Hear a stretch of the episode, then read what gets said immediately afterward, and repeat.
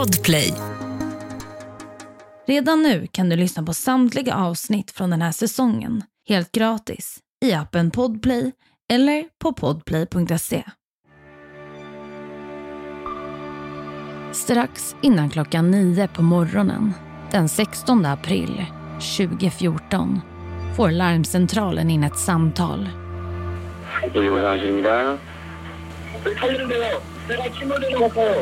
여기보상실입니다 여기 살리는데요. 내가 침몰되는 것 같아요. 제가 침몰해요? 여기 여기 생기고 가고 있었는데 예. 여기 지금 배가 Det är en passagerare från fartyget MV Seawall som ringer och berättar att fartyget håller på att sjunka. Han berättar att MV Seawall tiltat åt ena sidan.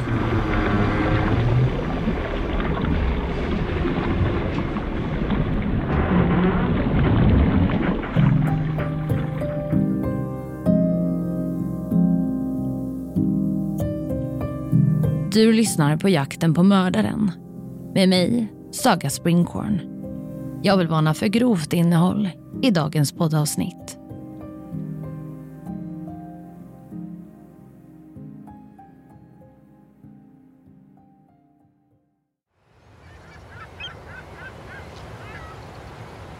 Det är den 16 april år 2014. Fartyget MV Sivo står redo vid kajen i staden Incheon. Incheon är en av Sydkoreas största städer med över tre miljoner invånare. En hamnstad och ett industricentrum. Fartyget MV Seawool ska färda 476 passagerare till staden Jeju i Sydkorea. Känt för att likna Hawaii.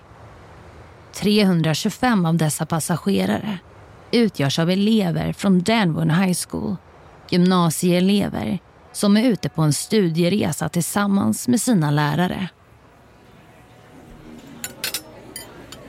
Runt klockan 29 på morgonen sitter elever och andra passagerare i kafeterian där det serveras frukost. Nere i hytterna gör sig människor redo för att påbörja dagen. Elever umgås med varandra runt om i båten. Ingen har någon aning om att en ödesdiger sväng snart kommer sätta dem alla i en livsfarlig situation. Vad som exakt hände där bland besättningsmännen är det ingen som vet då historierna går isär. Klockan 8.48 står tredje styrman Park och rorsman, alltså den personen som styr fartyget Cho, intill varandra vid fartygets brygga. Cho ska nu svänga fartyget. Det är Park som ber Cho att ändra kurs på fartyget. I den här delen av historien går Chos och Parks utsagor inte ihop. Cho anser att han följer Parks instruktioner och ändrar kursen på fartyget flera gånger. Park menar att Cho missförstått hennes ord och att han därför varit ansvarig för den ödesdigra svängen. Vad som än hände där mellan Park och Cho så gör fartyget nu en häftig och skarp sväng som ska få förödande konsekvenser. Klockan 8.52 kommer ett samtal in till larmcentralen. Det är en passagerare på färjan MV Seawall som förlis från den sydkoreanska staden som ringer in.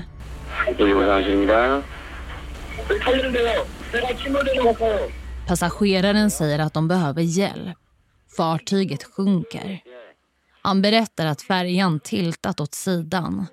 Hela fartyget ligger alltså ner med ena sidan i vattnet.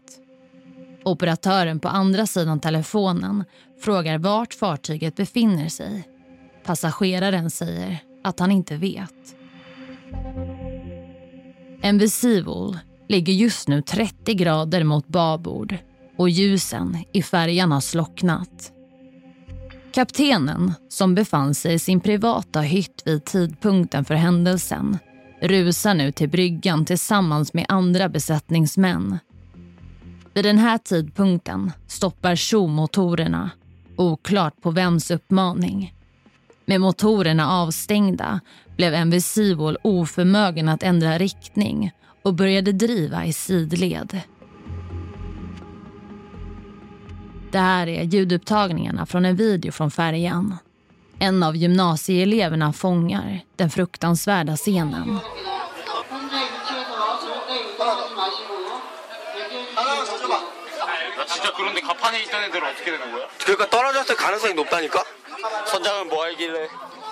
Men än så länge verkar ingen riktigt förstå hur allvarligt det hela är. Fartyget har börjat släppa in vatten och sjunker långsamt men säkert. Kaptenen och besättningen beordrar alla ombord att stanna kvar. Elever uppmanas att lyssna på sina lärare och lärarna i sin tur antar att kapten och besättningen har koll på vad som ska göras i detta nu och inväntar därför vidare instruktioner. Situationen blir allvarligare desto längre tid som går.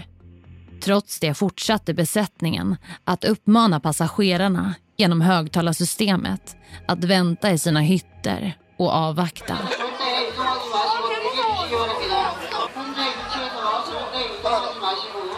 En medarbetare på fartyget pratar med trafikledningen för att reda ut situationen. Besättningsmannen vet inte vad han ska göra. Han berättar att han uppmanat passagerare att ta på sig flytvästar och invänta instruktioner. Sydkoreas myndigheter får nu information om att fartyget är på väg att sjunka. Men även de förstår inte riktigt allvaret i situationen. Det går trögt i utbytet av kommunikation. Kustbevakningen försöker förstå vad som hänt och hur läget ser ut på platsen. Den första båten från Kustbevakningen som anlände till platsen plockade upp några besättningsmedlemmar från fartyget.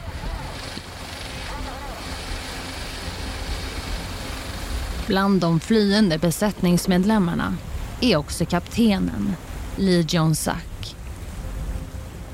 Dessa besättningsmedlemmar och kaptenen hade som uppgift att guida passagerarna under den svåra och allvarliga situationen. Gymnasieelever, lärare och övriga passagerare inväntade fortfarande information och många av dem är kvar i sina hytter. Ja, det finns regler kring hur besättningsmedlemmar och kaptenen ska agera vid den här typen av situationer. Sjölagen i Sverige säger följande. Om fartyget råkar i sjönöd är befälhavaren skyldig att göra allt som står i hans makt för att rädda de ombordvarande och bevara fartyget och lasten. Han ska, om det är möjligt, se till att dagböcker och andra skeppshandlingar förs i säkerhet samt vidta åtgärder för bärgning av fartyg och gods. Så länge som det finns rimlig utsikt att fartyget kan räddas får befälhavaren inte överge det utan att hans liv är i allvarlig fara. Och De här reglerna skiljer sig åt mellan länder. I Sverige finns det ingen lag som säger att kaptenen och besättningsmännen måste lämna skeppet sist. Men det anses av många vara en form av oskriven regel eller sed. I Sydkorea däremot är det olagligt för en kapten att lämna skeppet innan övriga passagerare och besättningsmän lämnat. Sydkoreansk lag kräver uttryckligen att kaptenen ska stanna kvar på fartyget under en katastrof. När kustbevakningen kommit till platsen flyr kapten och övriga besättning med kustbevakningens båt. I korridorer inne i fartyget, i hytter, står och ligger passagerare som satt på sig flytvästar. Flera av eleverna är kvar i sina kupéer och ligger i sängarna i väntan på nya instruktioner. Trots den allvarliga situationen är det ingen som riktigt förstår vad som ska hända härnäst. Passagerare har inte fått någon uppdatering om hur de ska handla. Fartyget sjunker och vatten tränger sig in. Fångar i ett sjunkande skepp. Några av passagerarna förstår dock nu att det börjar bli allvar. Det går inte att vänta på instruktioner. Flera av dem lyckas ta sig ut ur båten som släpper in vatten. Dessa personer ställer sig vid relingen och inväntar räddning. En helikopter är snart på plats och fångar upp människor i en korg. Flera båtar tillhandahålls under räddningen av privatpersoner och fiskare. Det rör sig om människor som frivilligt valt att ställa upp för att rädda passagerare. Sjöräddningen har i det här skedet endast tillhandahållit en båt.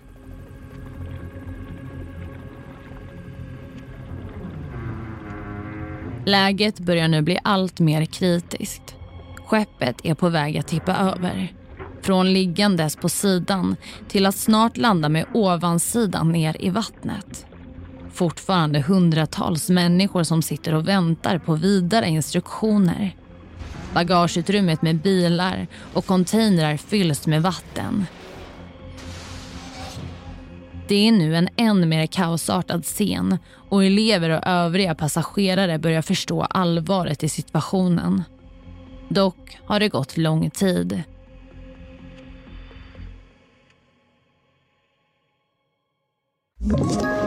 Ett poddtips från Podplay.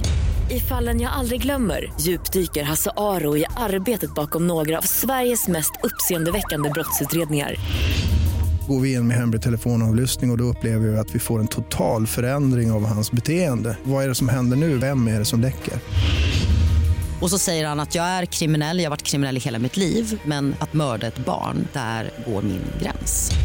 Nya säsongen av Fallen jag aldrig glömmer på Podplay.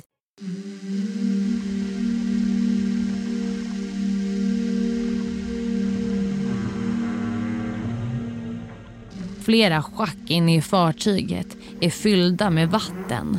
Något som gör det svårt för människor att fly. Klockan 10.18 ligger nästan hela båten under vatten. Klockan 10.28 är det bara en liten del av fartyget som syns ovanför ytan. Alla däck och kupéer ligger under vatten. Flera hundra människor bortom räddning.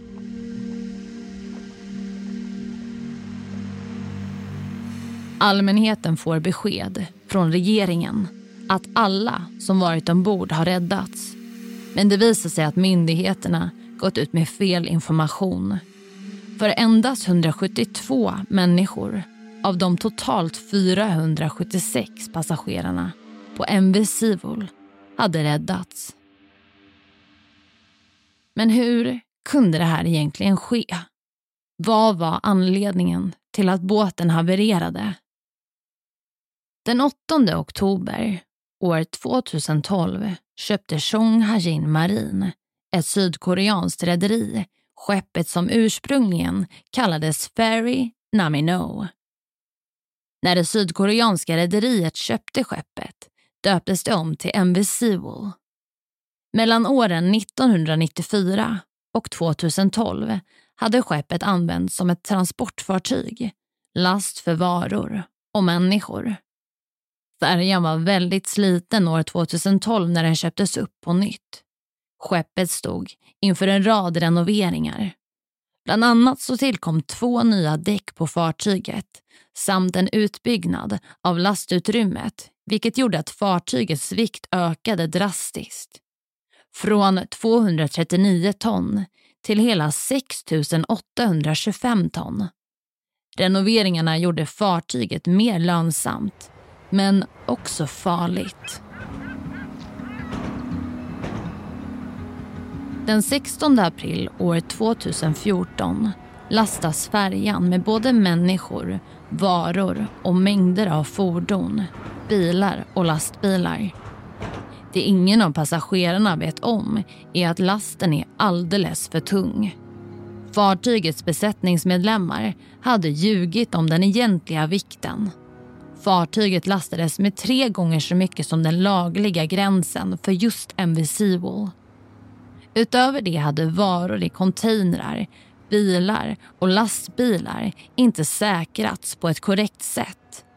Vissa bilar och lastbilar samt containrar hade bundits fast med rep istället för kedjor som var praxis. Och tillsynsmyndigheten då? Borde inte de förstått att något var fel?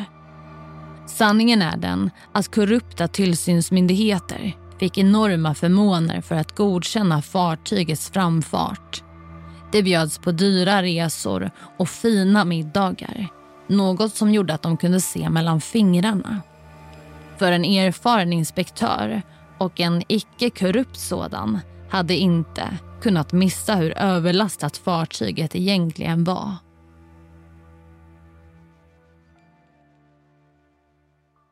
Efterföljande undersökningar avslöjade att mänskliga misstag var avgörande för dödssiffran och olyckan. Överbelastningen av fartyget var en av huvudorsakerna. Även den plötsliga och kraftiga svängen som fick lasten att flytta sig. Den plötsliga svängen medförde att den osäkrade lasten flyttade sig och det i sin tur bidrog ytterligare till att fartyget kantrade. Och så en sak till. Ni kanske minns Cho som styrde båten under den kraftiga vändningen. Den officiella undersökningen har också hävdat att han var alltför oerfaren för att styra skeppet. Efter hela 40 minuter kommer sjöräddningen till undsättning vilket är ganska lång tid med tanke på magnituden av olyckan. Så ungefär hälften av de 172 överlevande räddades av privatpersoner och fiskebåtar. Något som kritiserats hårt. Hur kunde sjöräddningen inte vara på plats snabbare och med mer resurser? Ja, det här är några av orsakerna till det som hände. Men inte nog med det faktiskt. Angående dödssiffran. Det första räddningssamtalet som kommer från fartyget rings in av en pojke ombord. Flera minuter senare kommer nödanrop från besättningen.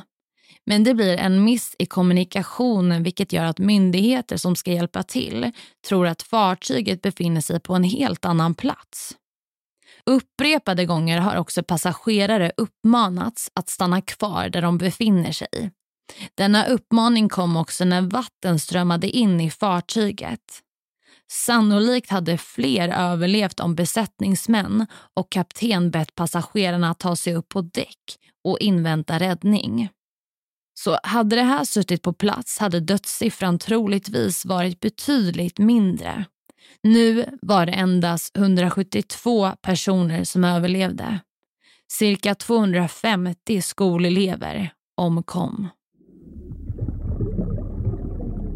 Efter olyckan skickades dykare ner i fartyget för att söka efter kroppar och eventuella överlevande. Men det är en svår match. Det är strömt och sikten är mycket dålig.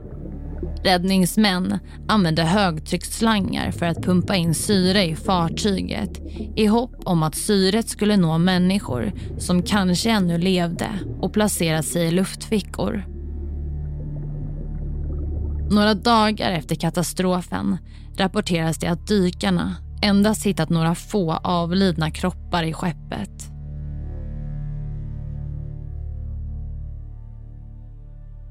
Den 19 april samma år grips kapten Lee, 69 år gammal, rorsman och tredje styrman.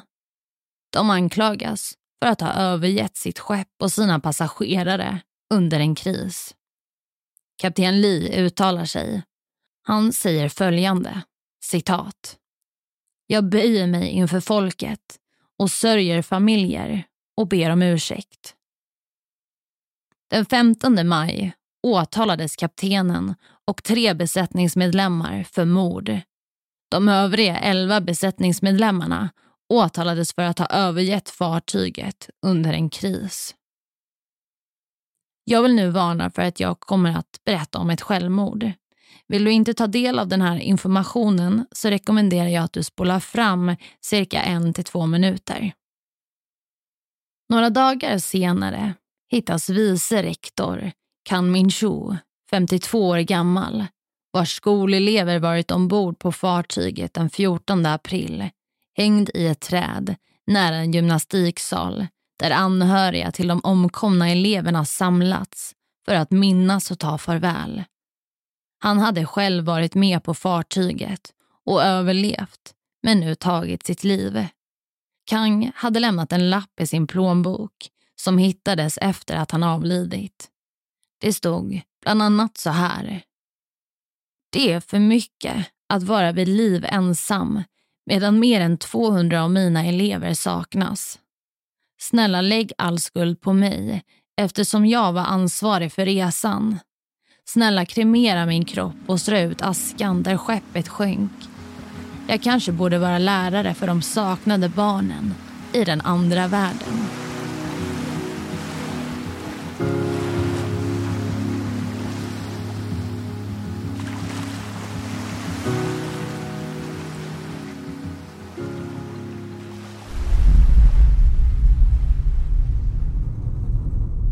Kapten Lee står nu åtalad för mord.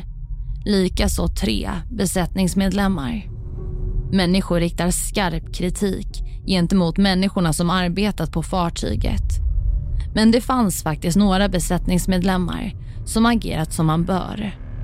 Tre medlemmar stannade kvar på fartyget för att hjälpa passagerarna. Samtliga tre omkom.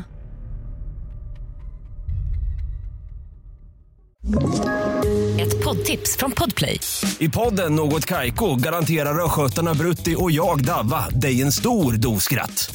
Där följer jag pladask för köttätandet igen. Man är lite som en jävla vampyr. Man har fått lite blodsmak och då måste man ha mer. Udda spaningar, fängslande anekdoter och en och annan arg rant. Jag måste ha mitt kaffe på morgonen för annars är jag ingen trevlig människa. Då är du ingen trevlig människa, punkt. Något Kaiko, hör du på Podplay. Därför är gardinerna.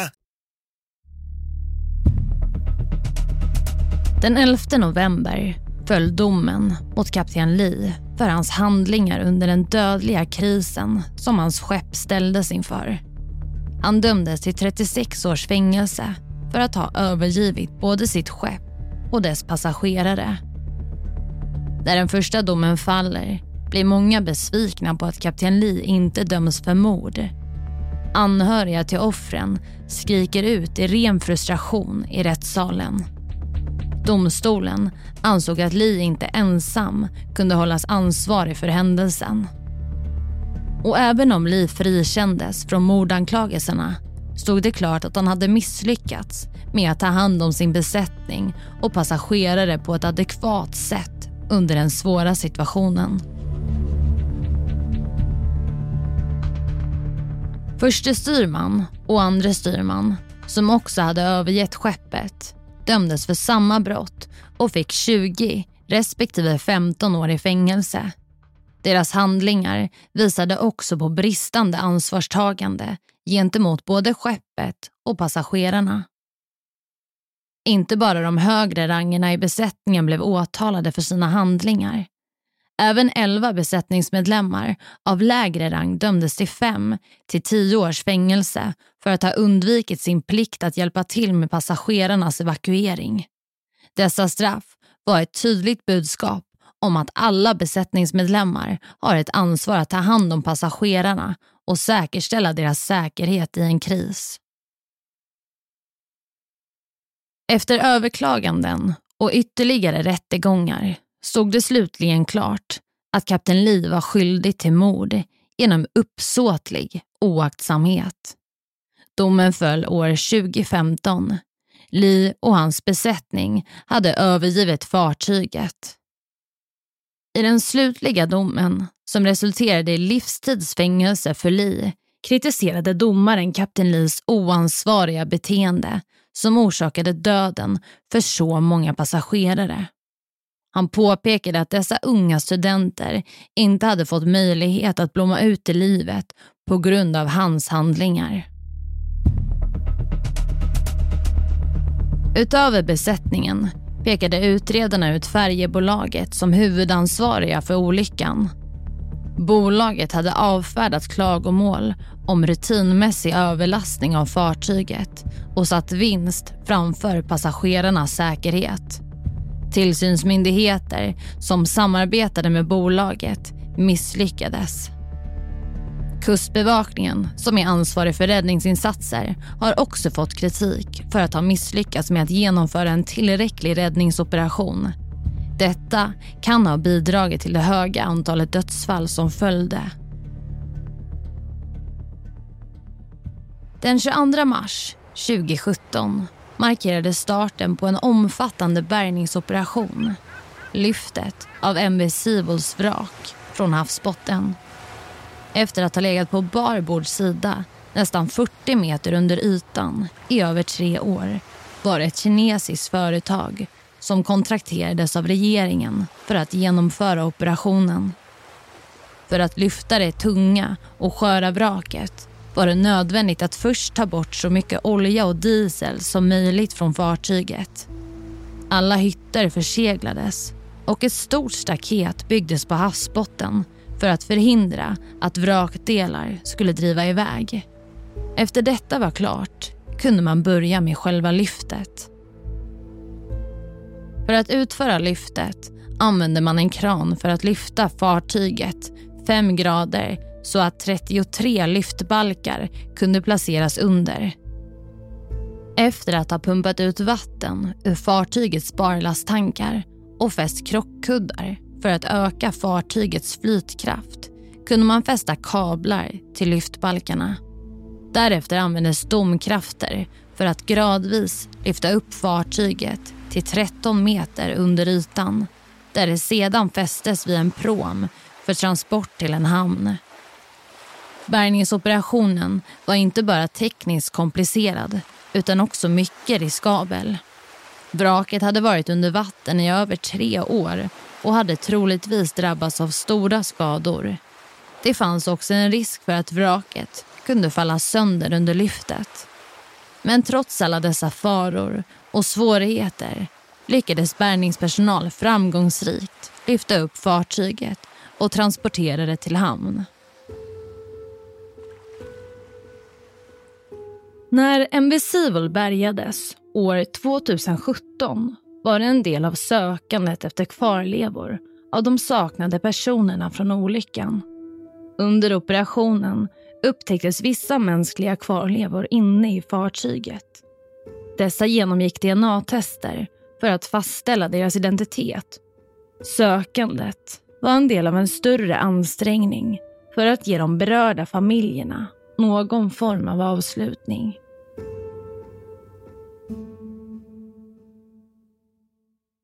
Kroppen från 17-åriga Joe Junha upptäcktes 1123 dagar efter katastrofen samtidigt som bärgningen. Ytterligare skelettrester hittades under utredningen. Dessa kvarlevor upptäcktes på tredje våningen av skeppet och personen som man hittat rapporterades bära en flytväst. En uppsättning mänskliga kvarlevor som hittades i vraket identifierades som en av de fyra studenterna som fortfarande var saknade efter olyckan.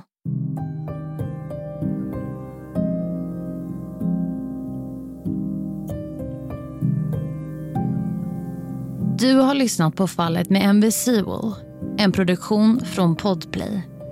Klippare och ljudläggare är Mats Liljenberg. Ansvarig utgivare Henrik Funke. Tack för att du har lyssnat på dagens avsnitt.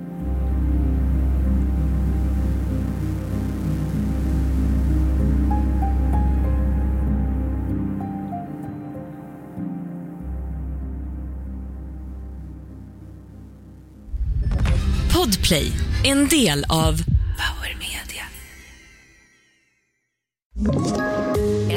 Ett poddtips från Podplay. I fallen jag aldrig glömmer djupdyker Hasse Aro i arbetet bakom några av Sveriges mest uppseendeväckande brottsutredningar. Går vi in med hemlig telefonavlyssning och, och då upplever vi att vi får en total förändring av hans beteende. Vad är det som händer nu? Vem är det som läcker? Och så säger han att jag är kriminell, jag har varit kriminell i hela mitt liv men att mörda ett barn, där går min gräns. Nya säsongen av Fallen jag aldrig glömmer på Podplay.